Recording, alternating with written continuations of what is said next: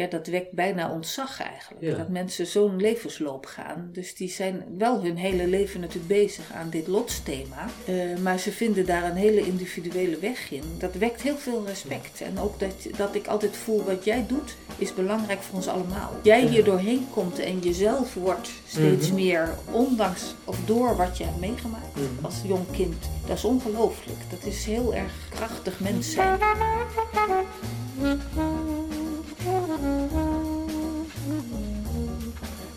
U luistert naar de Therapeut Podcast, een wekelijkse podcast waarin ik, Peter Voortman, openhartige gesprekken voer met therapeuten over hun professie, patiënten en zichzelf. Luister mee naar bijzondere, schrijnende en grappige verhalen uit de behandelkamer. Vandaag ga ik in gesprek met Marieke Krans, al 20 jaar arts in de antroposofische psychiatrie, werkzaam in de GGZ-instelling van Lievergoed. Ik spreek haar op een wrang moment. Lievergoed stopt met de GGZ. Dat is zonde, heel zonde. Een gesprek over haar visie en ontwikkeling, de veranderende tijdgeest en waar we afscheid van nemen. Luister mee. Ehm, gaan we u? Gaan we je? Ja? Je, jij. Ja? jij, Ja, zeker. Ehm, nou, goedemorgen Marieke. Ja, goedemorgen, Goedemorgen. Peter. Ja. Ja, ehm, we zijn hier in een GGZ-instelling. Lievergoed. Ehm, wat voor mensen komen hier? Ehm, je vraagt het op een heel bijzonder moment in de tijd. Oké. Want eh, afgelopen zomer ehm, heeft eh, onze directie besloten om de gewone antroposofische psychiatrie hier eh, af te bouwen. Mhm. En dat is nu gaande. Dus volgende week vrijdag verdwijnen de laatste klinische patiënten. We, hebben hier, we hadden hier 30 bedden voor mensen met heel diverse psychiatrische problemen en verslavingsproblemen. Die dan voor korte opnames hier kwamen om weer eh, zodanig in hun voegen te komen dat ze weer verder konden. Mhm. En eh, daar zijn er nu nog twaalf van over. En die verdwijnen dus aanstaande vrijdag. En eh Lievergoed bestaat uit, bestond moet ik dan nu zeggen, uit drie, drie, pij- drie pijlers. De, de antroposofische psychiatrie, de antroposofische verslavingszorg en de antroposofische verstandelijk gehandicaptenzorg. Dat is in de loop der jaren ontstaan. Mhm. In 1990 is het ontstaan als algemeen psychiatrisch ziekenhuis voor antroposofische psychiatrie. Dat is heel, heel eh, eenduidig. Mhm. En eh, nou, in, in de loop van die 30 jaar die we sindsdien geleefd hebben, zijn natuurlijk heel veel organisaties steeds groter geworden en steeds Ja. diverser. Dus ook om, het, ja, om allerlei redenen is dat nu eenmaal zo gegaan. En toen is de verslavingszorg erbij gekomen, wat oorspronkelijk ARTA was. Misschien heb je er wel eens van gehoord. Nee. Maar het was een prachtig, een prachtig initiatief en instelling. Heeft het heel lang heel goed gedaan. Waar mensen die, die ernstige verslavingsproblematiek hadden, een jaar intern konden. Mhm. Eh, zodat je eigenlijk helemaal in een leefomgeving bent die gezond is. En waarbij ook de kwetsbaarheid, en er zit altijd veel traumatisatie natuurlijk bij eh, verslaving. Waarin dat een plek kon krijgen en je weer in een heel beschermde omgeving, eh, nou clean, weer een beetje stevigheid kon krijgen. En dan was er een tweede jaar waarin je op hetzelfde terrein wat zelfstandiger woonde, met vaak ook vrijwilligerswerk buiten het terrein. Dus ook nog beschermd, maar weer de wereld in. Mhm. En een derde jaar met nog eh, ambulante coaching terwijl je weer in de wereld woonde. Zo. En dat eh, had een, eh, een veel hoger slagingspercentage op de duur dan, Ja. dan andere. Maar dat was in het Nederlandse, ja, laten we toch maar zeggen, financieringssysteem, want zo plat is het dan, niet meer haalbaar. Nee, Dus toen klinkt, is de het klinkt ook niet meer van deze tijd. Nee, maar dat is dat- natuurlijk wel wat er eigenlijk nodig is Ja. als je zo, de, je Dat- zo jezelf kwijt Ja. bent. Ja, Dat, dat heb je niet in een paar weken detox en dan een eh, één of twee keer in de week een programma. Ik bedoel, Ja. terwijl alles verder hetzelfde blijft, dat, gaat een meest, dat is voor heel veel mensen te Mhm. moeilijk om dan zichzelf weer te vinden. ja. Met een korte behandelaanbod van tegenwoordig. Maar goed, dat was in die tijdgeest. Ja. En eh, dat is, toen is die verslavingszorg eh, ook bij Lievergoed ingelijfd en dus ook heel erg veranderd. En eh, we hebben nog wel een tijd lang een, een, een boerderijplek in Noord-Nederland gehad. Waar mensen dan nog wel drie maanden konden zijn en werken Mhm. op het land. En, Dat was ook een heel mooie plek, maar die moest ook wegbezuinigd worden. Dat is gewoon zo, dat is de tijdgeest. Hè? Dat, dat het klinische moet allemaal weg. En eh, dus bleef er alleen de, een paar detoxbedden en ambulante verslavingszorg over. En nog later is ook de verstandelijk gehandicaptenzorg uh, Salvia in Driebergen. Mm. Dat heette toen de Ita Wegman Stichting. Daar wonen heel veel mensen met een verstandelijke beperking. Wonen en werken. Hele mooie werkgebieden zijn daar. Een prachtige weverij bijvoorbeeld. En een atelier. En eh, mooie huizen ook. En die zijn toen ook bij Lieve Goed Organisatie gekomen. Dus toen had je drie poten. En wat nu eh, de directie heeft besloten is om, het, eh, om de poot eh, verstandelijk beperking, Mhm.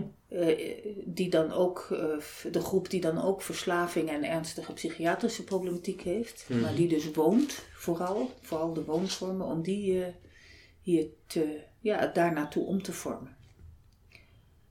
En ik ben echt van de antroposofische psychiatrie. Ja, Dus je zit hier een beetje met iemand te spreken die, die heel eh, goed terugkijkt op wat we hier allemaal hebben kunnen doen. Want Ja. ik werk hier ruim 20 jaar nu. Mhm. Ehm, maar die ook eh, in, in, de, in de rouw is omdat het aanbod in Nederland eh, niet meer beschikbaar is. Nu Ja. al niet meer. ja dat klinkt best heftig. want- Het is heel heftig. Ja, want het betekent dat je weggaat ook. Of, Nee, want kijk, ik ben een dokter. En ik ben dokter zodra ik met een patiënt ben. Dus het maakt mij, het- ik kan met de nieuwe doelgroep ook heel goed werken. Maar ik, eh, ik ben natuurlijk wel, eh, zoals ze dat hier noemen, specialist antroposofische geneeskunde. Ze Mhm. noemen ik mezelf verder, noem ik me gewoon antroposofisch arts hoor. Maar, Mhm. en ik kan natuurlijk alleen maar iets doen als, er, eh, als ik ook echt antroposofische geneesmiddelen kan voorschrijven. En Mhm. ook antroposofische therapieën kan voorschrijven. Zoals invrijvingen en individuele kunstzinnige therapie, om maar iets te noemen. Nou, Mhm. de- hè, en ritmische massage. En het is nog heel onduidelijk of dat aanbod hier blijft bestaan. Of dat nog gewild wordt hier. Dat hangt nog in de lucht. Dat weet ik ook niet. Want het wordt misschien helemaal regulier dan eigenlijk. Of, Nou, nee, ze noemen het liever goed antroposofische zorg. Maar dat kun je ook wel op de, nou, ergens in een persbericht lezen. Dat, eh, dat de omgeving en het meeleven met, eh, met de natuur eh, en Mhm. de seizoenen. eh, dat ze het meer daarin zoeken dan in de specifieke antroposofische geneeskunde. Oké. En ik ben natuurlijk van de antroposofische geneeskunde. Ja. Ik ben een, een dokter. Dus eh, dat, is, dat andere is meer sociaal-pedagogisch. En het sociaal-pedagogische klimaat, dus dat je Mhm. gezond werk doet en een goede omgeving hebt, fysiek en in de gewoontes en in de ritmes, dat zijn natuurlijk algemeen pedagogische principes Mhm. die heel goed zijn. Die ook in de verslavingszorg toen hè, bij Arta heel hoog in het vaandel stond. Maar je hebt natuurlijk, eh, als het over artsenwerk gaat, Mhm. over geneeskunde, dan gaat het natuurlijk nog over een net Ja. iets ander gebied. En dat is maar de vraag wat daar hiervan overblijft. Ik eh, heb daar geen zicht op. Als ik het goed begrijp, eh, was je in eerste instantie revalidatiearts. Ooit, ja, zo Ja. ben ik begonnen. En Ja. vervolgens gekozen voor de psychiatrie. Eh, dat is zo gegaan dat ik. eh, nou, ik vertelde je net al dat ik eh, toen ik mijn bul had gekregen en de artseneed had afgelegd, in de nacht daarna droomde dat ik rondtrok door de wereld met een aap met een stethoscoop. Ik trad daarmee op en ik stond daar zelf in de coulissen naakt naast. Het was mijn aap, zo gezegd. Dus ik, ik kon helemaal niks en ik was helemaal nog geen arts. Dat Mhm. was een heel duidelijk en sterk beeld. Ik eh, heb het ook nog heel sterk voor me. En eh, ik was het er ook mee eens toen ik wakker werd. Ik dacht, ja, wat kan ik nou? Eh, dit, het moet nu pas beginnen. En toen heb ik gezocht naar een specialisatie waarvan ik dacht, dan zit je niet in, in een stukje materialistisch, chemische, eenzijdige geneeskunde Mhm. een orgaan te behandelen. Maar dan heb je toch met de hele mens in zijn hele, eh, in zijn hele leefomgeving en leven te doen. Dus eh, met de mens compleet. En toen heb ik voor de revalidatiegeneeskunde gekozen. Maar ehm, het bleek mij, het mooie daarvan was het multidisciplinaire. Want Mhm. dat was eigenlijk al voordat al het andere multidisciplinair werd, ook de psychiatrie, was dat al multidisciplinair. Want je had natuurlijk de fysiotherapeut en de maatschappelijk werker voor het sociale en de logopedist en de psycholoog. En, En, dan, eh, en de ergotherapeut. eh, en dan had je de arts om dit allemaal te coördineren, te diagnosticeren. En ook nog wel wat eh, behandelingen voor het bewegingsapparaat, zoals dat heet, Mhm. te doen. En ik vond dat toen de tijd een, meer een, eh, een coördinatie-managementfunctie om het hele team bij elkaar te houden, dan dat ik nou zelf als arts daar heel genezend kon werken. En het bewegingssysteem eh, als hoofdingang voor mijn arts zijn, Mhm. dat was ook weer te smal. Dus toen heb ik dat, eh, toen ik eenmaal specialist was. En eh, in die tijd had ik ook nog drie kinderen gekregen. In een tijd waar nog niets geregeld was voor artsen die specialiseerden en zwanger waren en jonge kinderen hadden. Je mocht het wel doen, maar niemand moest het merken. Daar kwam het op neer. en als je er dan langer dan drie maanden tussenuit was, dan verviel weer wat je al had gedaan. Dus het was, het was een hondenleven eigenlijk. Maar goed, ik heb het volgehouden toen. En eh, toen daarna, met, toen mijn jongste geboren is, ben ik een tijd eh, alleen thuis geweest. Eh, ook om bij te komen hoor, denk ik achteraf. Want ik was natuurlijk totaal uitgeboomd.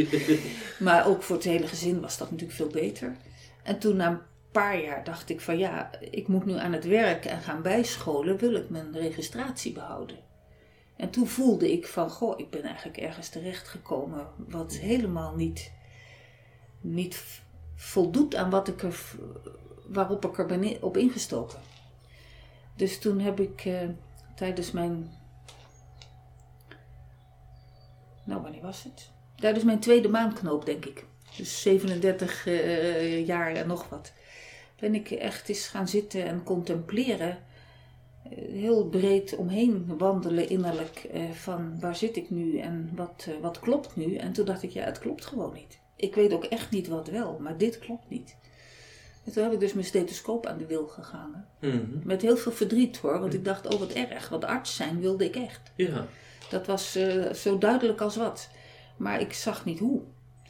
En ik dacht, dit klopt niet. Dus ik ga niet mijn hele leven investeren in iets in stand houden. Een specialisatie. Moet je aan heel veel voldoen hè, om dat in stand te houden. Ja. Ehm, dus eh, toen heb ik dat laten verlopen. En toen kwam er uit eh, de kosmos, het kosmisch reisbureau noem ik dat altijd, maar gewoon van iemand die ik kende, die net het eh antroposofisch verpleeghuis hier, het Leendert Meeshuis, aan het opzetten was. Dus ook op dit terrein. Mhm. Ehm, en die, die hadden wel ergens een verpleeghuisarts in de pijplijn, zal ik maar zeggen, maar die was nog niet klaar met de opleiding.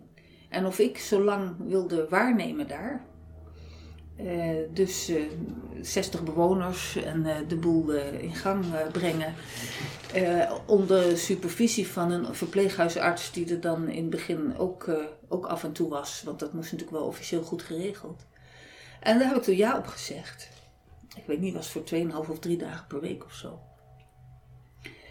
En dat was natuurlijk waar. Weet je, ik kwam toen terecht in een eh, bijna ideaal opgezette eh, organisatie. Mhm. Want die was echt vanuit het antroposofisch verpleegkundige ideaal, ook door een antroposofisch verpleegkundige opgezet.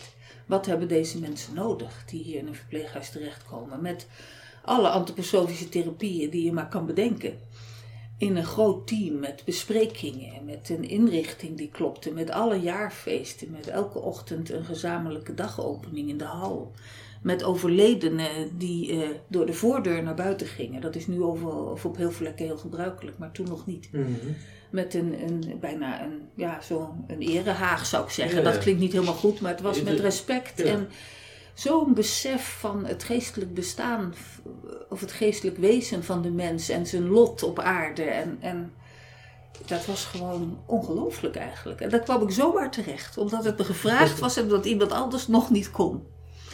En toen was ik dus opeens, eh, ja, als arts ben je dan toch een, een, eh, z- zeker eh, centraal punt in het multidisciplinair overleg. Mhm.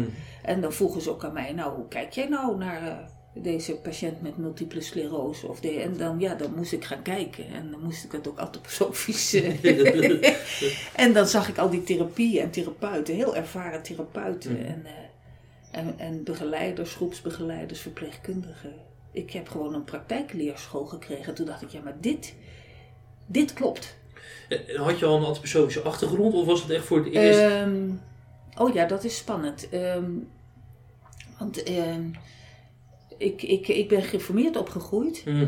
Eh, en als kind zocht ik al naar wat waar was. En ik had wel door dat dat, niet, eh, dat dat gewoon niet waar was wat er gezegd werd in de kerk. Ik was Mhm. dol op de kerk hoor, maar dan om het zingen en de eh gebrandschilderde glazen eh, ramen. We waren niet katholiek, maar dat hadden we wel. en, eh, en de rituelen. Maar wat er gezegd werd, dacht ik, ja, dit, dit, is, dit klopt gewoon niet. Mhm. Ook wat we moesten zingen klopte niet. Hè? Dat had ik wel door. Ik, ik zong dan mee en dan heel snel dacht ik van ja, dan zingen we dit zinnetje, maar dat kan ik helemaal niet waarmaken. Dat is, eh, dus dan propte ik er wat woordjes tussen, waardoor Ja. ik het dan toch wel verantwoord kon zingen. Dus zo'n kind was ik, heel serieus Ja. dus eigenlijk. En heel, helemaal van binnen. Ik praat hier ook niet met mensen over.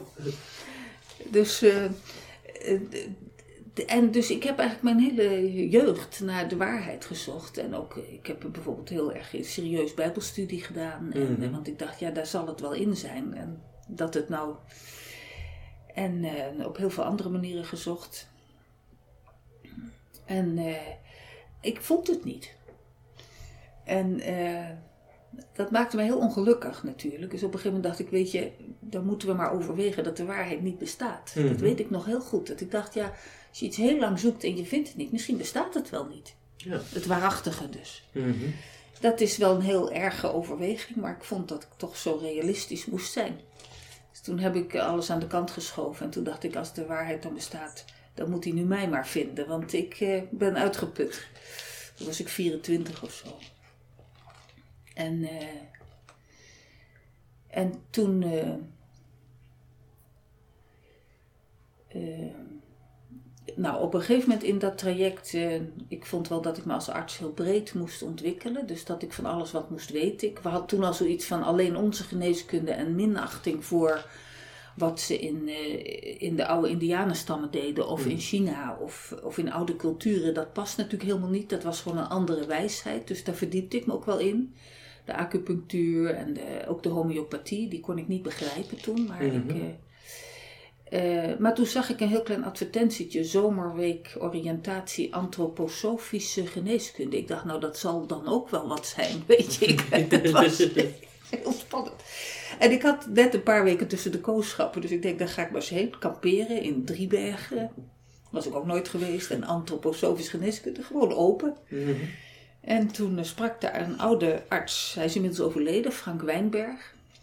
Want er waren allemaal lessen en kunstzinnige workshops en eh er was van alles. Het was ook heel gezellig. Eh, dus op het terrein van de Reehorst. En die vertelde over de mensheidsоntwikkeling, de wereldontwikkeling vanaf... als je eenmaal je wat in de antroposofie verdiept, wat, wat van de oude Saturnus, de oude zon, de oude maan tot nu. Ehm, en eh, hij schetste dat en ik wist gewoon, niet mijn hoofd, maar iets, eh, iets, eh, iets achter mijn hart ergens, wist gewoon, dit is waar. Hier gaat het om. Ik wist het gewoon. Het was opeens in me. Dus toen was het gewoon duidelijk. Ik heb er ook nooit verder over hoeven nadenken. Ik ben toen antroposofie gaan bestuderen Mhm. met een groepje mensen. En eh, ik kreeg toen kinderen en ik dacht, goh, hoe doe je het nou wel goed? Hè, ik had erg geleden aan mijn eigen schooltijd, want eh, dat, dat moeten, dat cognitieve onderwijs, dat, eh, dat voelde ik, eh, dat me dat schade. Dat voelde Mhm. een beetje als doodskrachten. Dat, dat, ik voelde me dan hard en kaal en eh futloos, moe worden. En, eh, dus ik dacht, nou zo wil ik het niet voor ze. En hoe kleed je ze en hoe voed je ze en hoe voed je ze op. Er was verder ook niemand in mijn omgeving die al kinderen had. En mijn moeder leefde al lang niet meer. En, eh, dus ik moest dat toch helemaal zelf uitvinden.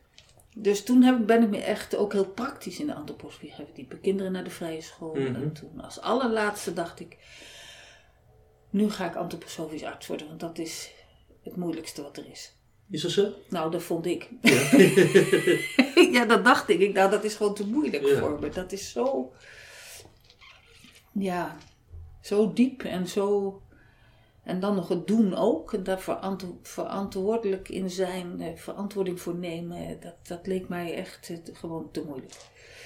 Maar dat is er toch naartoe gekomen. Dankzij dat Leendert Meeshuis, waar ik dus echt, eh, toen ik daar anderhalf jaar in dat team gewerkt had en heel concreet gewerkt had Mhm. gewoon mensen ja, je bent gewoon met mensen bezig om ze goed eh, de laatste levensfase in te begeleiden. En je kon ook heel veel doen. Dat je met antroposofische geneesmiddelen een longontsteking kon, eh, eh, kon behandelen. En dat iemand dan genas zonder Mhm. antibiotica, omdat die, hij zelf of de familie dat niet wilde.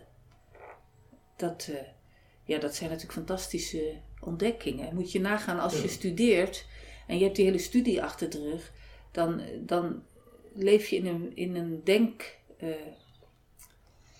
een denkkader waarin dat onmogelijk is. Zo word je opgevoed. Ja, en ik, en ik denk dat, dat veel mensen dat hebben als ze, als, ze dat, als ze dat horen, dat je longontsteking met homeopathische middelen kan. Antroposofisch in dit geval. Ja, dat Niet je dan alleen homeopathisch. een automatische reflex hebt van hé, hey, dat. eh, want eh, zou dat ook breed, stel dat dat het middel zou zijn, breed in de. Dat, dat gebruikt zou worden in heel Nederland, zeg maar. Zou het dan ook werken voor. Zou je dan dezelfde resultaten behalen? Of werkt het omdat het voor iemand werkt? Ehm, nou vraag je iets heel spannends. Ik vind dit echt heel spannend wat je nu vraagt. Ehm, ik, ik, ik, ik zeg wel vaak tegen, te- tegen eh, patiënten van... ehm, eigenlijk ben je een team. Jij Mhm. en je ziekte en je dokter en het geneesmiddel. Dat zijn allemaal eh, levende wezens of krachten of aanwezigheden, werkzame ja, werkzaamheden. En dat is een team. Die horen bij elkaar. En, en daarom ook, eh, ik, ik behandel mezelf niet als ik wat heb. Mhm. Als ik echt een dokter nodig heb, ga ik naar een ander. Mhm. Want dat, dat werkt niet. Dat kan Ja. gewoon op een of andere manier niet. Je kan niet. eh, dus je kan niet zomaar zeggen: eh, Ik heb die ziekte, dus ik heb dat nodig, want ik ken de richtlijnen en ik schrijf mezelf dat voor en ik ga helemaal niet naar een dokter. Ja. Dat kan je technisch, materialistisch, chemisch wel doen, Mhm. maar ehm, ik vind de reguliere geneeskunde, die ik, die ik echt hoog heb hoor. Een antroposofische arts doet reguliere geneeskunde plus. Hè? Ja, ja, ja. Niet Ja. in plaats van. Dan was ik ook nooit antroposofisch arts geworden. In die zin ervaar ik mezelf helemaal niet als alternatief, maar meer als, eh, als, als ruimer en, en, en eh, met diepere mogelijkheden en een, een, een ruimere, waarachtiger blik op Mhm. de mens en wat er aan de hand is met ziekte en wat je kunt doen als arts. En waar geneesmiddelen eigenlijk vandaan komen. Maar ehm, ehm, het- waar het om gaat is dat je eh, bij de individuele mens ziet. Kijk, als twintig mensen een longontsteking hebben, Ja. is het twintig keer anders. Ja. Want hoe oud is iemand? Hoe is Mhm. zijn lichaam gebouwd? Dat, eh, eh, hoe, hoe, de, hele warmteverdeling per mens is al anders. De, de bloedsomloop is anders. De samenwerking tussen de orgaanwerkingen is anders. Alles is anders, namelijk geïndividualiseerd. Mhm. Want dat heb jij opgebouwd. Ik weet niet hoe oud je bent, maar dat heb is opgebouwd. 37, bijna Oké, 38. je hebt dus bijna 38 jaar lang dit Ja. opgebouwd. Mhm. Dus dit is helemaal van jou. Ja. Dat vind je nergens anders op de wereld. Het is Mhm. eigenlijk onvoorstelbaar. Mhm. Je kan misschien nog wel een paar mensen vinden die sprekend op je lijken, maar als je dan lichamelijk gaat kijken, is het totaal individueel. Je hele immuunstelsel is heel individueel. Daarom moet je ook als je iets transplanteert zoveel immuunonderdrukkende middelen geven. Want anders dan denk je gewoon, dit moet ik niet, het is niet voor mij. Ja, ja. En dat gaat dat eruit. Dat, dat denkt het lichaam dan. Ehm, en zo'n geneesmiddel, als, als, als, als ik als arts dan eh, zie van dit is er dit is er in jou als je een ziekte hebt, eh, neem het niet persoonlijk nu, maar een Nee, nee, ja. evenwicht verschoven. Dit, dit zit niet goed op zijn Mhm. plek. En je hebt dit nodig, of je organisme heeft dit nodig om dat weer eh, te verlossen of weer op de goede plek te krijgen. Dan, dan wordt zo'n geneesmiddel ook individueel voor jou. Ja, ja. En eh, dat komt door, door ons onderzoek wat wij samen doen. Doordat jij je opent als patiënt en, en, en hulp vraagt. En ik mijn eh, nou, vermogens die ik heb eh, inzet. En, eh, en dan komt dit. Dan komt dit van, oh, dit is er aan de hand en dat kunnen we dit uit de natuur. En dan bewerkt met allemaal warmteprocessen bijvoorbeeld. Of een andere therapie Mhm. kunnen we toedienen. Om, om, om het jou mogelijk te maken dat je weer je eigen evenwicht, dat het weer gaat kloppen. En hier voel je al aan dat als je gewoon protocolair zou zeggen longontsteking is behandelen met die Ja. twee middelen, Ja. dat dat eh, anders zou gaan werken. Ja. Maar de andere kant is dat als eh, Steiner heeft ook eh doronen gegeven, eh, Mhm. eh, geschenken eh, is dat uit het Grieks. Eh, de- dat zijn eh, geneesmiddelen die samengesteld zijn, die eigenlijk voor ieder mens in deze tijd goed zijn om weer een evenwicht in een bepaald, eh, bepaalde lichamelijke processen te brengen. Hepatodoron hebben we, dat kennen heel veel mensen wel. Dat is dus iets De Venodoron. maar de- Venodoron is er ook één. Dat is natuurlijk voor een fysiotherapeut heel leuk, want dat is uitwendig. dat is, en eh hepatodoron heeft met de, alle processen die met de lever te maken hebben, wat veel meer is dan ik in de studie heb geleerd. Hè? En ook veel dieper werkend in het lichaam. Die lever zit fysiek wel daar bij jou, maar zijn werking is, is, is veel ruimer. Dus eh, die, die, die dat voedt, zodat die lever echt krachtig weer zijn werk kan doen. En zo heb je ook eh, biodoron bijvoorbeeld. Dat heeft iets te maken met dat, het, dat ons hoofd eh, koel en helder zijn werk moet kunnen doen in rust. Dat onze stofwisseling en onze spieren en ledematen in alle eh, vulkanische krachten eh, beschikbaar zijn om te handelen. Dat zijn we ons helemaal niet bewust, maar dat gebeurt natuurlijk van alles. Hè? Ehm, dat heeft heel veel met zwavel te maken. Zwavel, eh, dat geurt nogal. Hè? Als je op IJsland komt met al die... Want daar is de aarde heel bewegelijk. Daar stofwisselt de aarde enorm. Daar heb je allemaal van die eh, zwavelstanken, zal ik maar zeggen. Dat heb je in onze stofwisseling ook. Dat merk je als je de wind laat. nou, dus dat zijn enorme warmte en, en eh, actieve bewegelijke processen. Eh, die hebben iets heel anders nodig dan die processen van ons zenuwstelsel, eh, die vooral zo in het hoofd eh, plaatsvinden, in het hele lichaam hoor, maar daar als een soort eh, thuisfront. Die ze moeten kalm spiegelen. Als ons hoofd te druk wordt, als je migraine krijgt bijvoorbeeld, dan stofwisselt er van alles in het hoofd. Nou, dan kan jij helemaal niks meer. Dan lig je plat te wachten tot het over is. En als die stofwisseling te zwak wordt, ja, dan val je om en kan je ook niks meer. Dus de kracht die je daar nodig hebt is een andere dan in het hoofd. En daartussen, middenin, dus ook lichamelijk middenin, hebben we natuurlijk dat ritmische. Dus eh, het ritme van de hartslag en het ritme van de ademhaling.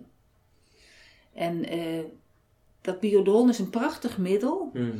om, om dat te voeden van, oh, zo zit dat evenwicht ook weer. Nou, als je kijkt naar... Maar die, kun je, Ja. die, die heeft Steiner wel gegeven voor Mhm. eigenlijk iedereen. En die eh, ehm, maar ik denk dat er voldoende bewustzijn Mhm. bij een voldoende aantal mensen moet zijn om deze geneesmiddelen te dragen. Ja, ja. Dus als het niet meer geweten zou worden door een aantal artsen Mhm. en farmaceuten ook, hè, de apothekers zijn hier ook heel belangrijk in, eh, wat dat middel werkelijk is, dat dat dan zijn werkzaamheid verliest. Omdat de werkzaamheid die door die stoffen heen werkt, Mhm. Dan niet meer aan kan komen. Dus daar zit een, eh, iets subtiels in. Want als je zou kijken naar de, eh 20 mensen hebben longontsteking. Dat- Mhm. Ehm, heeft het dan ook. Nu worden er antibiotica voorgeschreven, over het algemeen. Heeft dat er ook gewoon mee te maken dat er gewoon niet voldoende mensen zijn, mankracht eh, en tijd voor is om, ehm, om dat gesprek aan te gaan, om uit te zoeken van wat heeft die persoon nodig? Is dit Nee, dan- nee, nee, dat heeft niet met, eh, met eh, mankracht te maken. Ehm, ik, ik denk dat heel veel artsen eigenlijk wel aan hun water voelen dat ze eigenlijk meer zouden willen. Ja. Maar nou, zoals dat bij mij geopend is door die Mhm. ene arts die schetste van, oh, maar zo zit het in elkaar. En dat ik toen de mens kon zien in een heel groot verband, ook een Mhm. geestelijk verband. En hoe dat dan op aarde zo nu en hier geworden is en wordend is. Eh, dat moet natuurlijk een keer tot je komen en daar moet je vatbaar voor zijn. Ja. En als je, eh, heel veel van ons zijn dat niet meer, omdat je hier zo geleefd wordt vanaf de kleuterschool al. Je moet Mhm. cognitief presteren en leren en alle prikkels die, die via je ogen en je oren tot je komen. het, eh, je ziel moet er natuurlijk open voor zijn. Dus ik denk dat heel veel mensen het op een of andere manier niet, niet ontvankelijk voor zijn. Ook in de drukte van het bestaan en de Het- cultuur. Het, het lijkt me ook nogal eng, want stel, eh, jij geeft geen antibiotica, maar een homeopathisch middel en iemand overlijdt. Antroposofisch middel, hè, graag. Want dat is wat anders nog. Antroposofie is Oh, meer, sorry, meer antro- dan, is niet middel, alleen ja. homeopathisch, dat Ja. is nog meer, ja. En iemand overlijdt, ja. dan, eh, dan heb je wel. Kijk, op het moment dat je aan het protocol houdt, of iemand nou wel of niet overlijdt, kun je altijd aantonen van hé, hey, ik, ik, eh, ik heb Ja, maar nu, nu raak je iets heel belangrijks. De angst Ja, en de schuld. ja, En de- zo word je wel opgevoed. Je mag niks fout Mhm. doen als dokter, want dan Ja. word je aangeklaagd en dan eh, krijg Ja, je een, je eh, word je uit je beroep gezet of ja. je krijgt een kanttekening. In ieder geval is het een grote schande en Mhm. schaamte. En het ergste is nog, stel dat iemand echt overlijdt of schade leidt door mijn handelen of mijn Ja. missen van een diagnose, dan heb ik dat natuurlijk op mijn geweten. Mhm. Vroeger zeiden ze altijd, elke arts heeft zijn eigen kerkhof. Want je, je, wij zijn natuurlijk geen perfecte Mhm. allesweters. En eh, ik dacht heel vroeger wel eens, eh dus schoot het wel eens bij me in dat je soms als arts zelfs gebruikt wordt. eh, of ingezet wordt om iemand. Nou, wij gaan niet over leven en dood uiteindelijk. Mhm. Het, het lot is vaak toch sterker. En het vraagt moed om echt te genezen. Het- dat is ge- geneeswil en geneesmoed. Die heb je echt nodig. Dus. ehm, en als je eh, helemaal verantwoord protocolair handelt en er is niets op aan te merken en de, het gaat wel slecht met de patiënt, ja, ja, eh, wat heb je dan gedaan? Heeft dan iemand eigenlijk iets gedaan? Of heb ik gewoon, ben ik erbij betrokken geweest bij wat ik gedaan heb? Heb ik die ander echt gezien in zijn ziekte? Heb ik de ziekte echt gezien? Heb ik, heb ik echt een daad gedaan of heb ik gewoon mijn dingetje afgedraaid? Operatie En dat laatste, ja, dat laatste, da- daar worden wij wel erg toe eh, Ja. verleid om gewoon ons dingetje verantwoord af te draaien. En als er dan wat misgaat, hebben we het niet gedaan. Het moment doen. En dat Mhm. vraagt dus moed en Ja. presentie.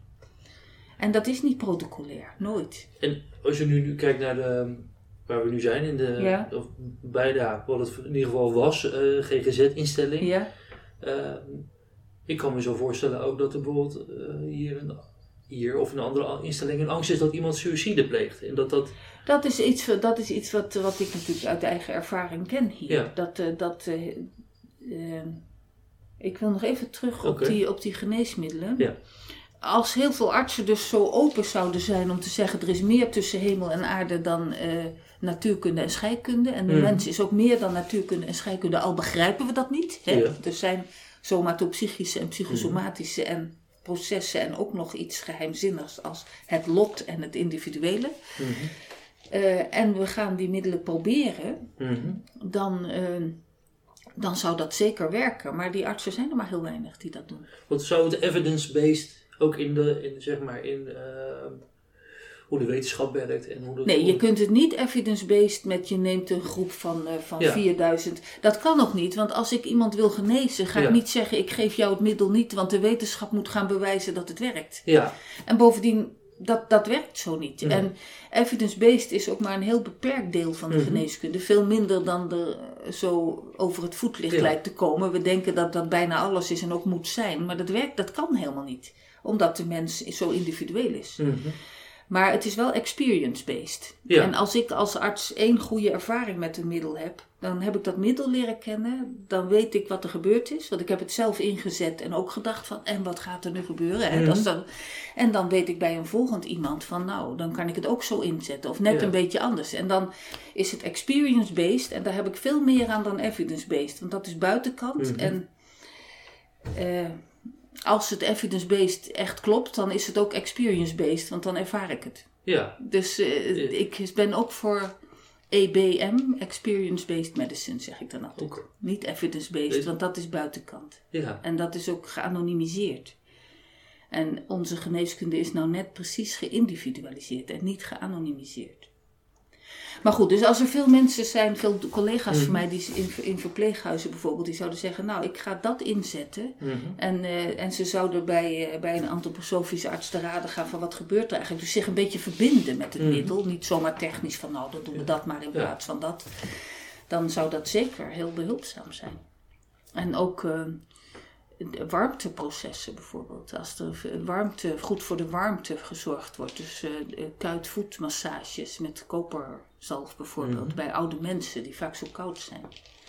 Dan eh, kun je daar heel veel goeds mee doen. Voor het welbehagen, het comfort, het ziekbed, het sterven ook. Mhm. We hebben heel veel mooie dingen, maar er moet natuurlijk een arts zijn die bereid is zich daarmee te ver- verbinden en de Ja. moeite te doen om dat iets te doen. En heel veel van ons worden toch wel weggevangen in de drukte van het bestaan. Hè? Ja, want dat heeft ook veel studie nodig dus. En veel experiment. Nou, en ook innerlijke ruimte Ja, vooral. ja. En we worden vaak heel veel geleefd door Ja. alles wat er moet. En dan storten we uitgeput het bed in. Of we leven een beetje op de adrenaline. Het contempleren, hè? dus het kalm achterover zitten Mhm. en innerlijk, innerlijke ruimte maken voor. Nou, ook voor wat er achter de patiënt zit, zal ik maar zeggen. En Mhm. achter deze ziekte, dat, eh, dat slaan we natuurlijk vaak over in onze daadkracht. Zo worden we niet opgevoed, hè? Je moet productie draaien, toch? ja, moet iets uit je handen komen. Het Mhm. moet aantoonbaar zijn. Evidence. ja. Maar dat ik, eh, nou, dat ik af en toe echt, eh, nou, echt een kwartier niets doe, zal ik maar zeggen. Mhm. Omdat ik dan innerlijk, eh, ja, dat nog eens opbouw. Wat heb ik nou gezien, gehoord? En, en wat is hier echt nodig? Wat is nou echt de vraag? Wat is er echt aan de hand? Dat kan ik niet in de computer wegschrijven. En, en om, de, om daar een voorbeeld aan te geven uit de praktijk, wat, wat je hier bijvoorbeeld gezien of gedaan hebt. Ehm, want hier op, de, hier op deze afdeling, eh, of dit, in, dit, in Ja, dit gebouw, waren er specifieke mensen met, was, is dat enigszins geclusterd of waren het allemaal mensen die... Nee, het mooie is, het mooie heb ik altijd gevonden hier, dat we hier niet een diagnose-specifiek cluster hebben, maar meer wat is er nodig cluster. Oké, Dus op de, op de klinische afdeling, dus de opgenomen mensen, daar, daar, daar- dat werd je gewoon opgenomen als er plek was en als we het konden bemensen. Maar dat hing niet van je diagnose af. En dat heeft ook iets heel gezonds. Want als je, als je allemaal depressieve mensen bij elkaar zet, Mhm. die kunnen natuurlijk veel aan elkaar hebben en je kunt een soort eenduidige omgeving scheppen. Ja, Maar de depressieve kracht, het wezen depressie, hangt dan ook wel heel erg in de ruimte, snap je? Terwijl als je een depressief iemand naast een ADHD gedecompenseerde zet, daar wil nog wel eens wat goeds uitkomen, om het maar zo te zeggen. In ieder geval maken ze elkaar niet erger dan. En, eh, en je kunt dan ook meer mensgericht aanbieden dan Mhm. diagnosegericht. Je wordt ook zelf niet eenzijdig als behandelteam. ja. Is gezond. Is gewoon gezonder. Wat, wat, hoe, hoe werkt het? Iemand komt, komt, eh, kwam Hoe werkte het? Ja. Ja, ja. nou, hoe werkte het? Ja, Eh, ja. Dat, eh, dat, je wordt aangemeld door de huisarts of Mhm. door een psychiater elders of een psycholoog. Ja, En zo van, iemand heeft een depressie of, een, of is psychotisch geworden of, of, of een verslaving waar heel vaak traumatisatie onder zit. Mhm. of een, een, een late gevolgen van een eh, getraumatiserende jeugd. Mhm. Hè, dat komt natuurlijk ook, dat iemand dan nu decompenseert. En, eh, Mhm. eh, emotioneel decompenseert of in uitputting terechtkomt. Heel veel burn-out mensen zijn natuurlijk ook. En dan eh, komt er een intake, eh, dus eh, bij een, eh, een arts of een eh, spe- gespecialiseerde verpleegkundige of eh, de laatste jaren vrijwel altijd bij een psycholoog. Ehm, helaas, want het eh, gaat veel over het lichaam, psychiatrie. En daar zijn psychologen niet voor opgeleid. Maar goed. ja, gaat het veel over het lichaam? Zeker, antroposofische psychiatrie, ja. Dat Ja? vertel ik zo nog wel. Dat is heel interessant, ja. Eh, en dan eh, wo- wordt er gekeken, past het, is de goede indicatie. En dan werd iemand in vroeger tijden vijf, zes weken opgenomen. Eén week diagnose, dus dan Mhm. keek iedereen, keek de kunstzinnig therapeut, de fysiotherapeut, de arts, de psychiater, de verpleegkundige, ehm, de, de aritmietherapeut, die keken dan allemaal van wat zien wij op ons terrein. En dan brachten we dat in een hele mooie bespreking bij elkaar. Mhm. Zo'n bespreking waarbij je echt innerlijk stil wordt. En die patiënt eh, als het ware naar zijn verschijning in jezelf oproept. En, en daar dan met z'n allen doorheen probeert te kijken van wat is hier aan de hand Mhm. en wat is de vraag. En daar kwam dan het the- therapieaanbod uit. Dus, en dan was er daarna vier, vijf weken therapieaanbod. Twee therapieën, twee keer per week. En verder het natuurlijk het, het therapeutisch klimaat op de afdeling. Met Ja. gemeenschappelijke maaltijden, mooie Mhm. omgeving, wandeling 's ochtends en 's avonds. Echt een, een goed klimaat eh, met eh, beschikbare verpleegkundigen. En, eh, en dat, eh, dat was gewoon heel heilzaam. Ja. De levenskrachten, vitale krachten worden gevoed. De, er komt weer ritme. De, de zielenkrachten krijgen vulling. Doordat er ook veel met de seizoenfeesten wordt gedaan. Er is cultuur. Er eh, zijn mensen die weten waar het over gaat. Er zijn ontmoetingen.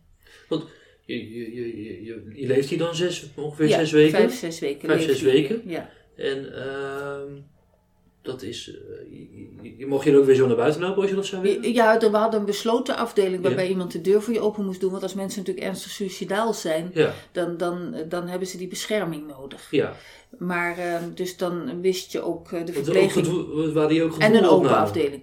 Er waren in de tijd ook wel gedwongen opnames met IBS, Oké. met inbewaringstelling. Mhm.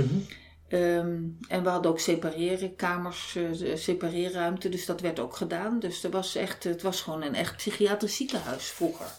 Later is dat wat meer, eh, dat we hier geen crisisopnames meer deden, omdat we te klein waren. Om dat Mhm. ook eh, daar personeel voor te hebben en ook meteen in te kunnen zetten als er dan een crisis komt. Want de crisis komt altijd onverwacht. ja. Dus dat gebeurt dan vaak elders. Ehm, en, dan, eh, dan, eh, en natuurlijk ging iemand dan de weekenden bijvoorbeeld naar huis. Om Mhm. niet helemaal uit zijn. Maar dan werd je. Oh, dat wel. Iemand gaat dan in het weekend wel naar huis. Jawel, oh, niet de eerste twee, drie weken, maar daarna wel. Want anders wordt de overgang natuurlijk te sterk. Maar het gaat er echt om dat iemand dan weer in zijn voegen komt. Dat de juiste medicatie wordt gevonden. Dat, er, dat iemand weer. Dat zijn lichaam weer zijn huis wordt. In Mhm. plaats van eh, dat hij er niet goed in kan. En, en dan depressief, angstig, psychotisch. Nou, al dat soort emotionele decompensaties. Uitputting. Want eh, in hoeveel gevallen, of ja, gevallen, in hoeveel Ja. situaties ligt er een, een vroege trauma, trauma onder? Eh, dat is ook heel moeilijk te zeggen, want Mhm. wij, wij maken allemaal heel veel mee wat niet perfect is. Eh, Mhm. hè? Het is ik kan me voorstellen dat de baarmoeder nog een redelijk paradijs is, maar dan adem je nog niet, dus dan zit je ziel er nog niet, eh, niet in, in het bewustzijn in. Er zit nog geen bewuste ziel. Maar na, na de geboorte, ja, hebben wij natuurlijk voortdurend weerstand ja. en, en pech en, eh, en moeilijke dingen. En, eh, eh, ehm, en ook ja, het begrip resilience, hè? dus veerkracht, Mhm. dat is een heel belangrijk begrip geworden. Eh, eh, de- van, want het, je ziet het ook, het ene kind overleeft in de, in de moeilijkste omstandigheden en gaat iets, iets doen in de wereld. eh, en nou, gewoon goed. Dat is geen oordeel, maar het gaat goed en hij doet wat hij wil en het klopt. Mhm. Laat ik het zo maar zeggen.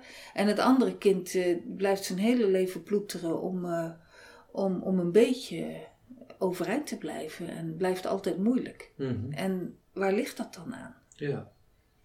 Ehm, dus in die zin maken wij allemaal ellende mee. En de kunst is om te zien of, eh, of waar iemand nu last van heeft, of dat daadwerkelijk te maken heeft met, met iets vroegs wat niet goed is gegaan. Mhm. En dat is dan wel weer heel leuk, want als, eh, als bijvoorbeeld heel jong er een hechtingstoornis is, of een zekere verwaarlozing geweest, of moeilijke gebeurtenissen, dat de moeder eh, door een ziekte een half jaar van huis moest en de vader heel hard moest werken. En ja, weet je. Ja. Eh, dan kun je heel veel werken met de, wat we de onderste zintuigen noemen. Dus de tastzin en de bewegingszin en de, en de levenszin, de behagelijkheidszin noem ik dat dan. Zit je goed in je lijf of niet? Dat is heel bazaal. Smaakt het goed of niet? Eh, nou, dat is dan de smaak, maar doet het me goed of niet? Voel ik me lekker of niet? Dat is de, dat is de levenszin en de evenwichtszin. Dat brengt deze vier bij elkaar. Het zijn heel lichamelijke zintuigen. En eh, daar doet een baby het ook op. Hè? Die, Ja. beweging doet het al heel snel en langzamerhand, daar ontwikkelt hij zich ook aan. De tastzin is natuurlijk als een baby niet, of zijn, hebben ze testen gedaan, als een aapje niet wordt aangeraakt, een jong aapje gaat die Mhm. dood. Mhm. Eh, en ehm, eh, de, de, de levenszin is natuurlijk, ja, een, een baby gaat huilen als die pijn heeft, zijn Ja. luier verschoond moet worden en te lang zit, honger heeft. Gelukkig. Doe je dan, doe je dan die, die fase eigenlijk opnieuw? Je doet het niet opnieuw, maar je voedt die zintuigen. Oké. Die, die ooit zijn verwaarloosd, die Ja, niet de goede voeding hebben gekregen. En dan mee laat iemand als het ware zijn eigen lichaam een beetje in de steek. Of dat kan niet goed van, ja dat is het. Een, een, een nieuw ontwikkelstap. Of een opnieuw voedingsstap, dat kan het Mhm. ook zijn.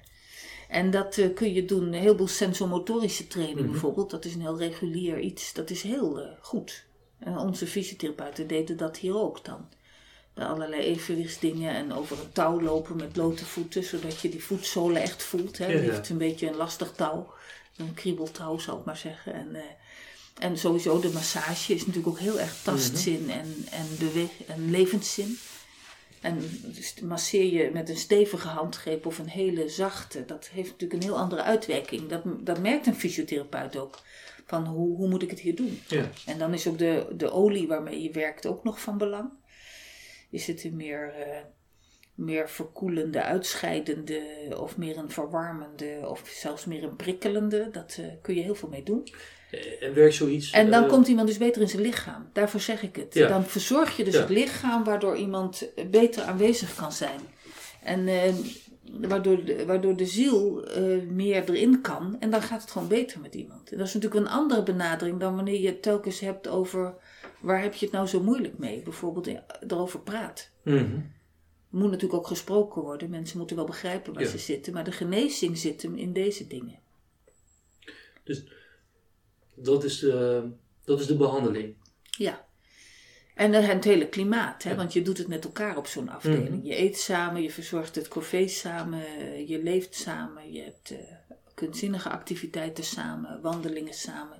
Het is natuurlijk een hele mooie herberg is het heel Ja. vaak geweest. Ik weet ook nog, dat, dan bedenk je niet hoe het kan, maar dan zijn er opeens tegelijk twee, eh, twee immigranten uit Colombia. Op, op hetzelfde moment op de afdeling. Die ontmoeten elkaar dan hier. Nou, Ja. dat is natuurlijk ongelooflijk. Want Ja. je land verlaten is ook zoiets waar je Mhm. heel ziek van kan worden. Psychiatrisch. En dan ontmoeten de mensen dus eigenlijk hun geboorteland en geboortevolk in die ander die dan toevallig ook hier is. Dan denk je, hoe is dit nou toch mogelijk? Hoe verzin je het? Dat handjevol mensen en dan zijn ze hier tegelijk. Dat is toch prachtig? En dat gebeurt heel vaak. Dus er gebeurt ook heel veel wat wij niet doorhebben als behandelteam. Dus je creëert eigenlijk een hele Ja, is warme, fijne... Eh, ja, een, een- een- Mensen niet alleen warm en- en fijn, hè? Want Nee, nee, soms is warm en fijn helemaal niet goed voor mensen. Soms moet het ook juist eh, meer prikkelend en confronterend zijn, maar dat is dan ook Ja. de bejegening die je Mhm. kiest. En- en Een valkuil dingen- van ons was wel een Ja. beetje, of tenminste een zwakke kant van ons, dat als je mensen hebt die echt eh, op overleven zijn ingericht, van die overlevers, hè? Van, die, Mhm. van die mensen die oersterk zijn op overleefkrachten, als je die natuurlijk in een te, eh, te warme of goede bedding zet, dan kunnen ze het niet meer op dat waar ze sterk in zijn ja. doen. En dat Ja. werkt vaak niet goed. Dus die kunnen beter ergens anders Ja. opgenomen worden. Maar dat merkten we dan ook heel snel, of dat wisten we al van tevoren. Sommige, niet alle. Nee, nee. Ja, en dan, eh, dan, dan doe je bijvoorbeeld alleen polyklinisch. En niet dat je iemand helemaal uit zijn eigen omgeving haalt, waar die op zijn overlevingskracht het vol kan houden. Maar dan doe je polyklinisch iets kleiners, bijvoorbeeld invrijvingen of eh kunstzinnig therapeutische oefeningen. Om toch die verbinding met dat huis, Mhm, dat lichaam, mhm. Zo sterk te maken dat iemand weer beter verder kan. Wordt iemand, wordt iemand weer beter? Of is het gewoon...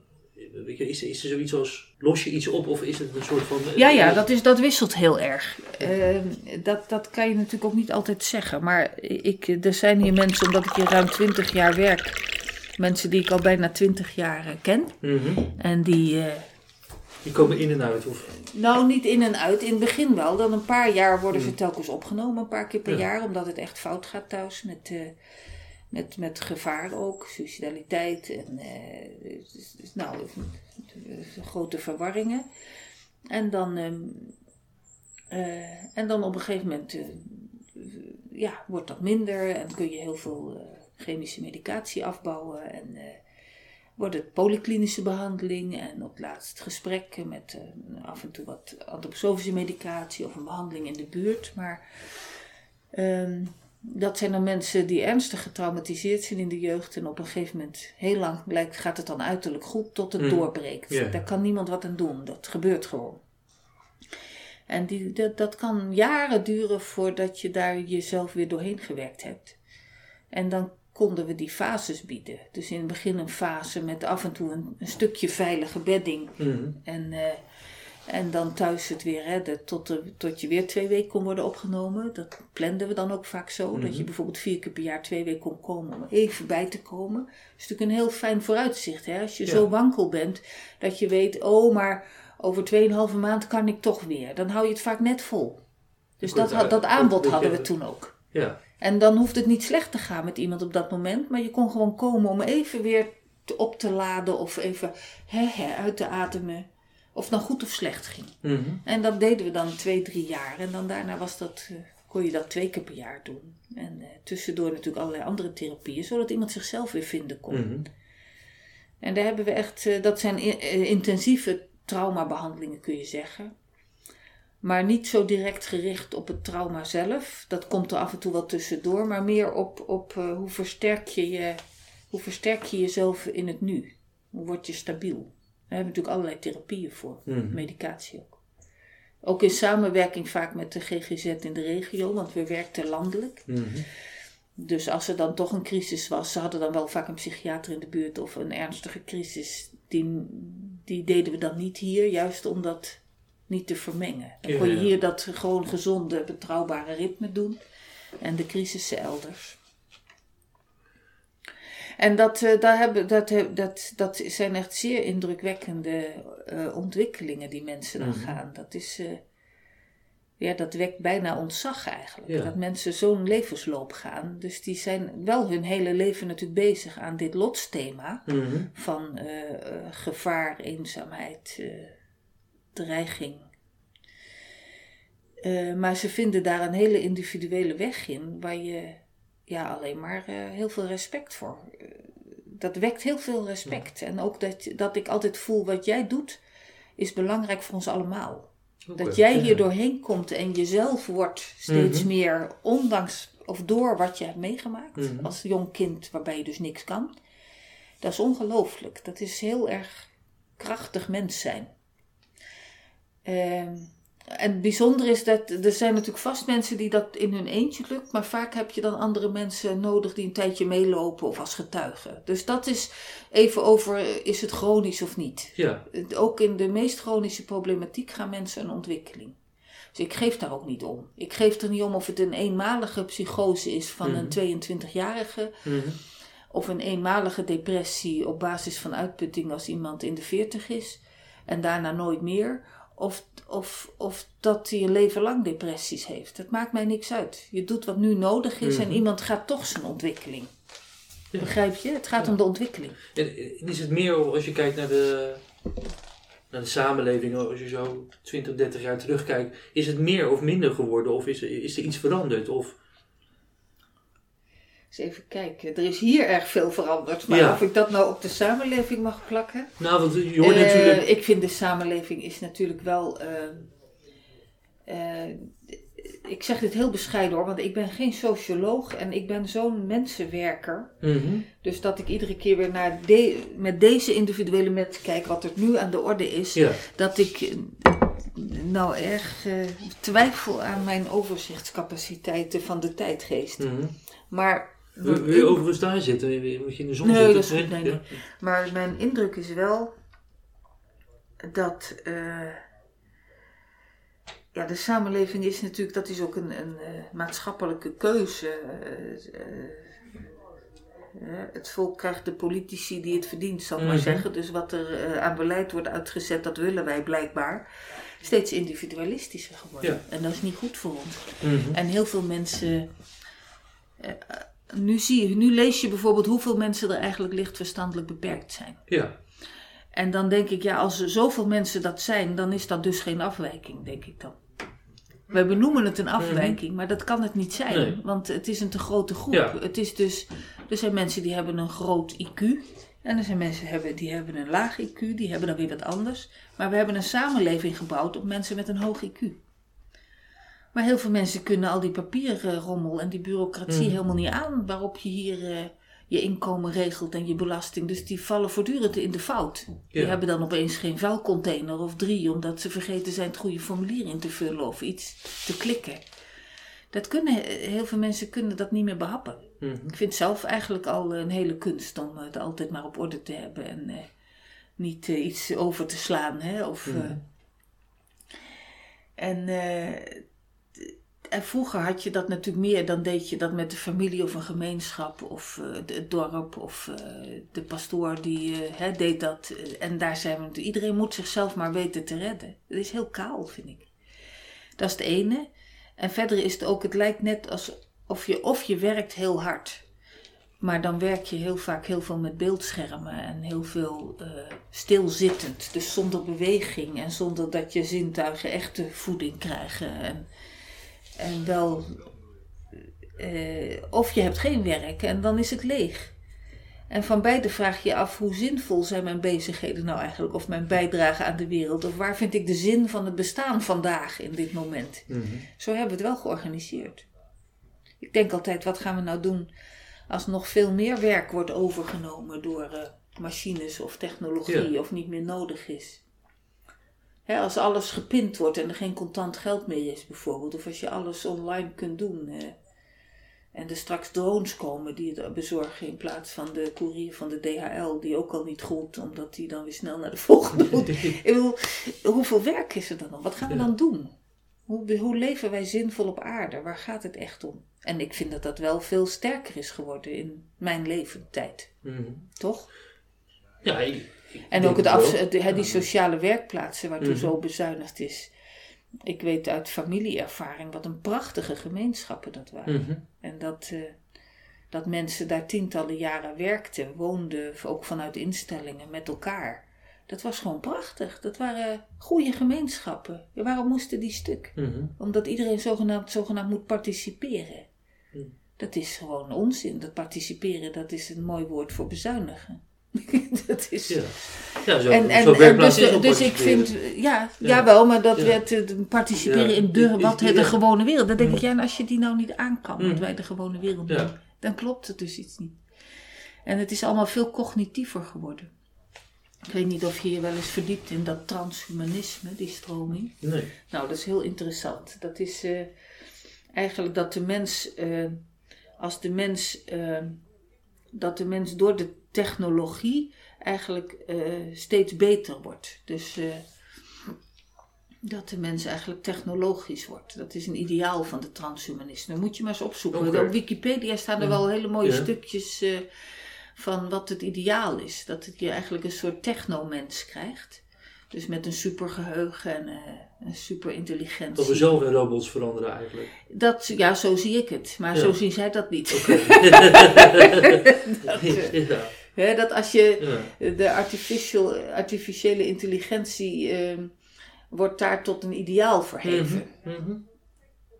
Eh, de- de- en tot een mensideaal. Zo moet ik het zeggen. In plaats van een ge- stuk gereedschap. ja.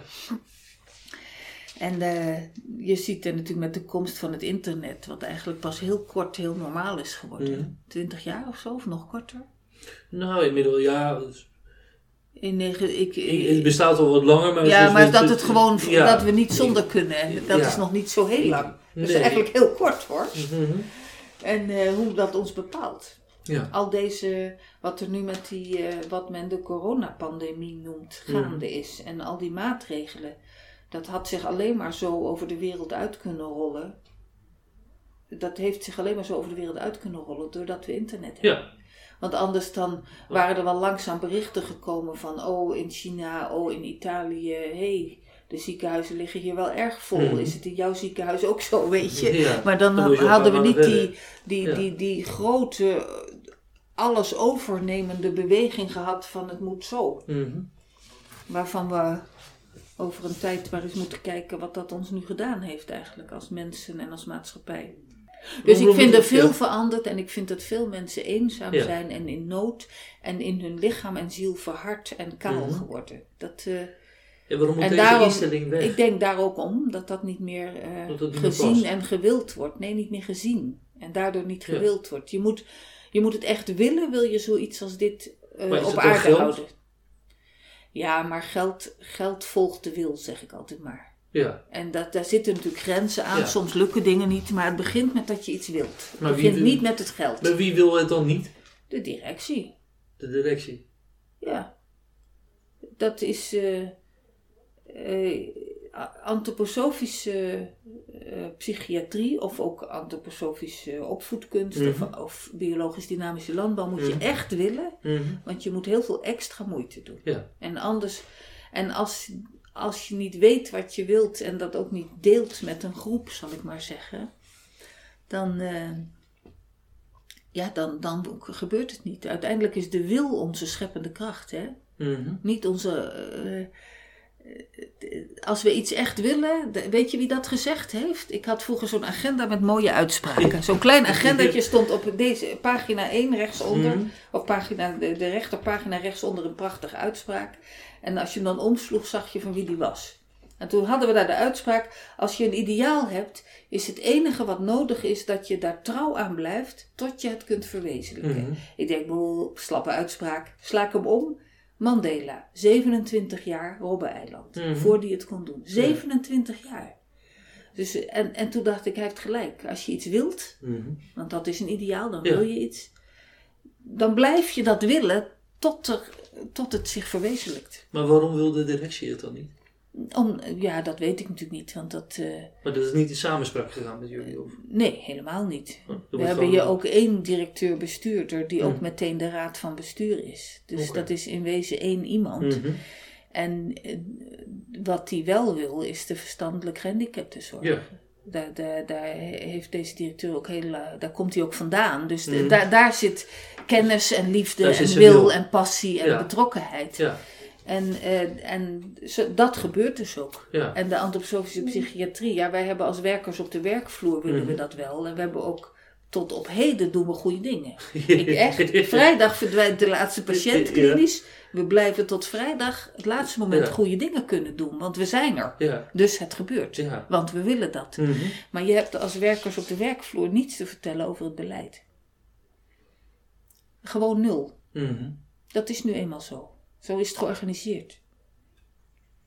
Maar zo gek, je verzint toch ook niet op de een of andere dag van we kappen daarmee. Dat is dan toch een aanleiding of... dat- Ja, dat, dat is natuurlijk, eh, ik vermoed dan, maar dat weet ik niet. Mhm. Dat, dat, dat is natuurlijk voorbereid. Dat is Ja. iets wat al heel lang zo gewild wordt, maar wat wij dan niet weten. Dat hebben ze niet... eh, Nee, er is natuurlijk in heel veel organisaties is er een vervreemding Ja. van, van aan de top. En, eh, en wat er daaronder gebeurt, je weet het meeste niet. Ik heb natuurlijk wel voelen aankomen. Ik ben ook niet onnozel. Ik voel ook wel wat. Maar ik ben er niet bij betrokken, dus ik kan je niet meer zeggen. Maar ik, eh, als je antroposofische psychiatrie voor gewone mensen, want Mhm. daar heb ik het over, hè? jij en ik kunnen ook wat krijgen. Mhm. Eh, dat, dat verdwijnt hiermee Ja. in Nederland, dat aanbod. Is een groot verlies, vinden ook heel veel mensen. Maar het staat niet eens in de media, hè, in de persberichten. Mhm. Daar staat alleen aanscherping van het beleid. Ja, We gaan doen waar we goed in zijn. Verstandelijk beperkten met ernstige problemen. Dan denk ik ja, maar de met gewone andere woorden, jullie hebben dus iets gedaan waar jullie niet goed in zijn. Nou, ik, nou, dat wil ik niet zeggen, maar alsof Nou, dat het niet bestaan heeft. Ja, maar, ja, maar dat Ja, nee, maar dat is Ja. nu eh, voortschrijdend inzicht, noemen ze dat ook. Dat is Ja. zo'n fijne term. Want nu is het zo. Nee, het was natuurlijk prachtig wat we allemaal gedaan hebben. Maar dat is eigenlijk toch wel... Dus er zit nog net geen verwijt in, zeg maar. Want jullie... Verwijt heeft geen zin. Het gaat Nee, nee, zo. maar nee, ik bedoel... Oh, aan ons? Ja, jullie. Ja, Ja, wat nee, jullie nee, nee. gedaan hebben, ja, wat leuk, leuk geprobeerd. Nee, maar jongens, nee, eh, dat, krijg je ook wel te horen van ja, jullie draaien toch niet genoeg productie en hebben het niet goed georganiseerd. Maar dan denk ik ja. Ja, Maar dat is allemaal niet zo relevant. Het feit, het relevante is dat dit verdwijnt. ja. En dat dat zo is en dat blijkbaar we niet met z'n allen het voor elkaar hebben gekregen om het zo te bedden en zo te willen. Mhm. En dat kan je nooit in je eentje doen, dat moet je Mhm. met een groep doen. Ja. eh, Dat het op aarde kon blijven bestaan Mhm. nu. Het verdwijnt. En, en eh, ik weet niet wat voor krachten daarachter zitten, maar eh, het verdwijnt. Denk je dat het misschien net iets te vroeg verdwijnt in die zin, dat niet helemaal niet moeten verdwijnen misschien, maar dat, dat er misschien wel weer een eh, ommekeer is? Er komt wel een ommekeer, maar ik in vind de tijd, corona- luister, ik vind de tijd niet meevallen. Eh, ik, bedoel, ik vind het een ernstige tijd. En eh, als je ziet die, die hele eh, corona-pandemie, en dan bedoel ik vooral hoe ermee wordt omgegaan in Mhm. dit geval. Ehm, sowieso dat deze virusziekte er zo is, Maar ook het globale ervan eh, hebben natuurlijk wel te maken met hoe wij leven. En hoe Mhm. vervreemd we leven van de dierenwereld en de plantenwereld. En, eh, en de aarde als levend en bezield wezen. Eigenlijk de aarde als lichaam van de mensheid. Dat, dat, ik zeg nu iets wat bijna niemand pakt, die denk ik. Die, eh, zonder, zonder aarde geen mensheid. En Mhm. zonder gezonde dierenwereld en gezonde samenleving daarmee. En als je het technisch noemt, noem je het biodiversiteit. Die gaat met sprongen achteruit. Mhm. En, zon, eh, en ook in de plantenwereld de biodiversiteit. En eh, die virussen die, die lijken wel eh, over te springen, springen, vliegen, van dier op mens. Omdat we bijvoorbeeld vleermuizen eten. Of omdat, en omdat we hun leefgebied te diep ingaan. Dat we dat niet laten. Hè? En, eh, en de netse fokkerij bijvoorbeeld. Dat is natuurlijk... eh, eh, vermoedelijk is dat, ja, ik denk dan dat virus, er zijn allerlei virussen. Dieren Mhm. hebben heel veel virusmateriaal bij zich en virussen die helemaal hen niet ziek maken. Dat is daar perfect. Dat is daar hun microbioom, Mhm. waardoor ze juist gezond zijn, denk ik dan. Maar als wij dat ontmoeten, doordat we gewelddadig daarmee omgaan en er te dichtbij komen, is het voor ons nieuw. En dan gaan de zwakkeren onder ons eraan. Maar denk je niet dat... eh, Dus daar moet iets veranderen. Ja. Er moet iets heel groots dat- veranderen. Ja, dat is, dat is en dat is, groot. dat is echt niet, dat zie ik nu nog niet gebeuren. Nee. Want dat bewustzijn zie ik niet. Nee. Als je kijkt naar de stijging van de zeespiegel hè, Mhm. en de, het smelten van, de, van het ijs. Dat is volgens mij een veel, veel groter gevaar dan die hele virusziekte. En de hele teloorgaan van de biodiversiteit. Daar zijn gegevens over. Dat is Mhm. evidence-based, zal ik maar zeggen. Geen twijfel aan. En niemand, niemand doet wat. Dat is toch gek? Mhm. En dan zo'n ja, zo'n toch eenvoudige epidemie. Eenvoudig in de zin dat we in de loop der eeuwen al heel veel epidemieën hebben gehad. Dus dat is niet, een, een, ja, niet iets wat nou zo heel anders gaat dan vorige epidemieën. Het, het is ook niet de ergste, zal ik maar zeggen. Mhm. Er zijn veel ergere. En als we zo doorgaan, gaan die ook komen. De veel ergere. Daar hou je gewoon niet tegen, denk ik. En dan, eh, maar aan die, aan die andere dingen doen we niks collectief. En daar komt het eigenlijk vandaan. Dat we roofbouw plegen op de aarde Mhm. en een puur materialistische, technische kijk hebben. Eh, terwijl de aarde leeft en bezield is. En ook geest is eigenlijk. En wij zijn ook een geestwezen. Maar heel veel van ons zijn niet meer zo bezield. Ja, door Ja. angst tegenwoordig, denk ik. Hè? We worden toch angstig gemaakt. Door, eh, of we worden angstig. Ja, gemaakt, dat weet ik niet. Maar er is heel veel angst, toch? In de media en in de... Er is heel veel angst gestuurd wat er nu gebeurt. Ja. Van maatregelen. Ja, dat is zeker... Dat vind ik niet eh, zo'n heel zinnige eh, drive voor de Mhm. mens, angst. Er komt niet zo heel veel Nee, ja, nou, als bijvoorbeeld... het is vandaag... of gisteren was een verkiezing van eh, in Amerika. Als je Oh, daar, hou op. Hè, ja. Als je daar ook kijkt naar hoe mensen, bang mensen van elkaar zijn, dan, dan denk ik zeker dat er veel angst gemaakt wordt. Ja, maar, maar, en we doen dat wel zelf. Dus Ja. je moet iedereen, zo, het is wel een appel aan ieder persoonlijk. Ja. En dat is het mooie van deze, van wat er nu gebeurt. Mhm. Dat je, iedereen moet iets. Mhm. En je kan zeggen, ik bemoei me er niet meer mee, ik ben coronamoe. dat hoor je dan ook zeggen. Ja. Dan denk ik altijd, ja, je kan wel oorlogsmoe zijn, maar als het oorlog is, dan helpt dat niet zo erg. Maar, dus een soort onverschilligheid. Of, Mhm, eh, of ik ja. trek me terug in mijn eigen Ja. dingetje en ik wacht tot het over is. Of je gaat eh, de barricade op en overal boetes opdoen. En, eh, of, je, nou, de- of, of je probeert redelijk te, in gesprek te gaan erover. Of je merkt dat je heel bang wordt en dat je denkt, hoe ga ik nu met mijn eigen angst om? Mhm. Ja, ik had, ik had echt, ik, mijn, mijn hart ontplofte bijna in het begin van, eh, van een soort zorg en verontrusting en verontwaardiging over, over in, in Madrid, in Spanje bijvoorbeeld, al die kinderen die binnen moesten blijven op die Mhm. flatjes, in die, in, in- met opgewonden vaders en moeders die het ook niet aankonden. Ik bedoel, ik kon dat gewoon niet aan. Hier bij ons in verpleeghuizen, eh, kwetsbare dementerenden die geen bezoek mochten ontvangen.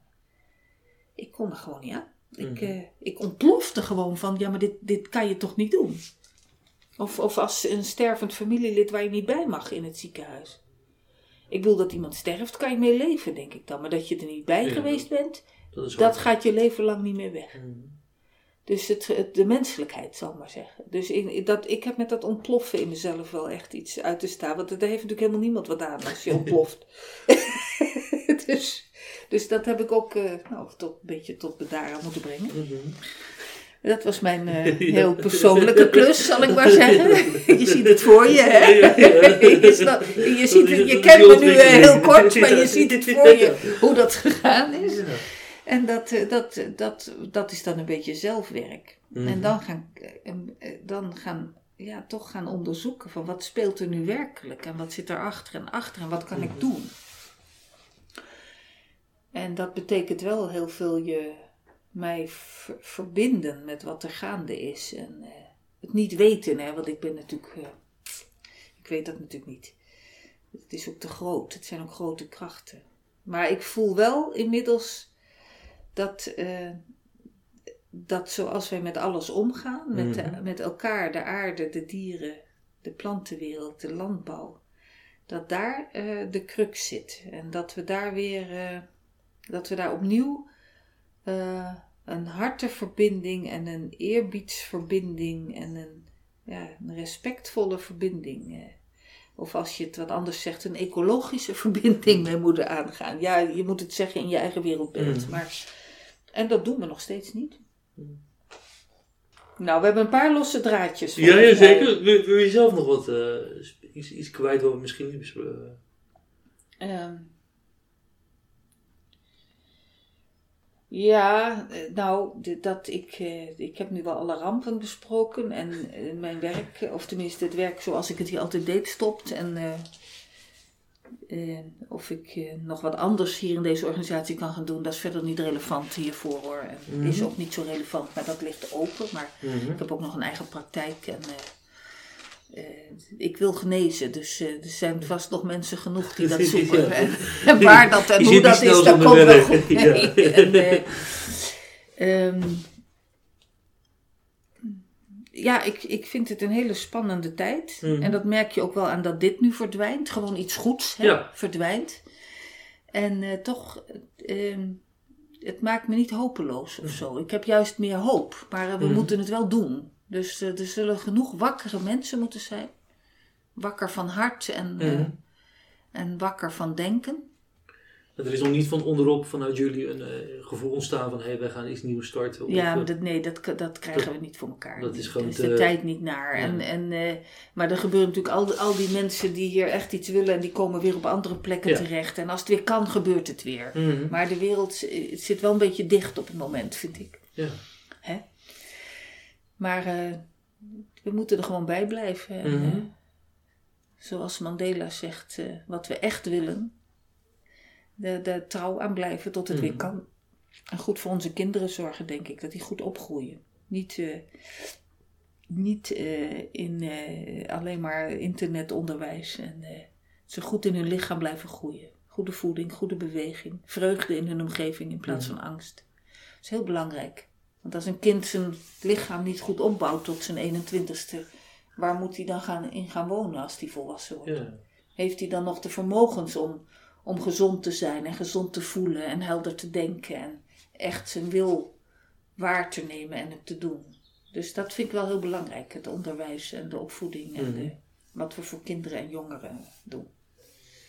Dus daar, nou, nou, ik heb drie kleinzoontjes, dus ik kan nog wat bieden. Ik kan als grootmoeder nog wat bieden. Ja, bijna, bijna vier, denk ik, hoop ik.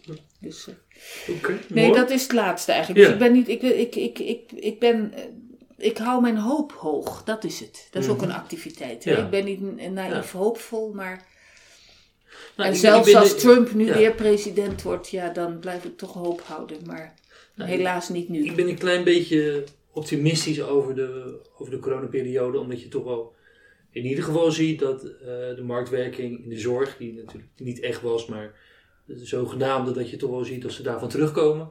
Ja. En, eh, ja, dat is waar. Als hè, je dus- even zo klein... Dat, daar zijn, en ook de bezuinigingen in Ja. de zorg.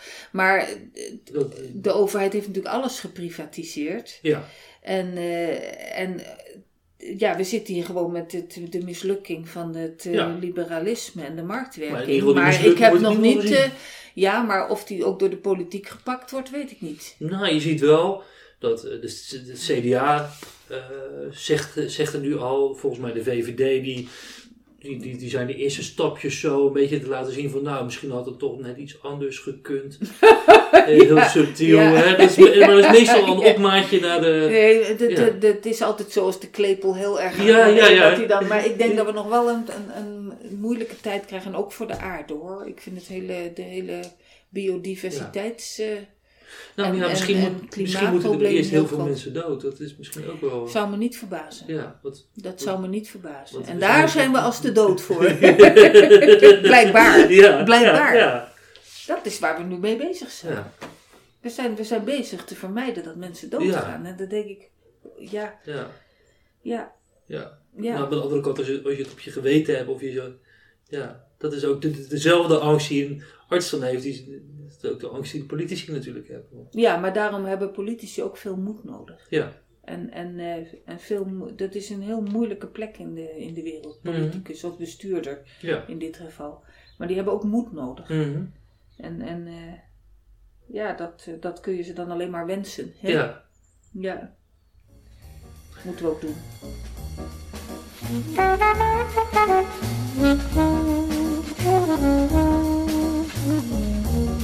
U luisterde naar de Therapeut podcast. Abonneer u via uw favoriete podcast app en krijg elke week automatisch een nieuwe aflevering. We horen graag uw mening. Vragen, opmerkingen of suggesties kunt u sturen naar info.detherapeutpodcast.nl of laat een review achter via uw podcast app.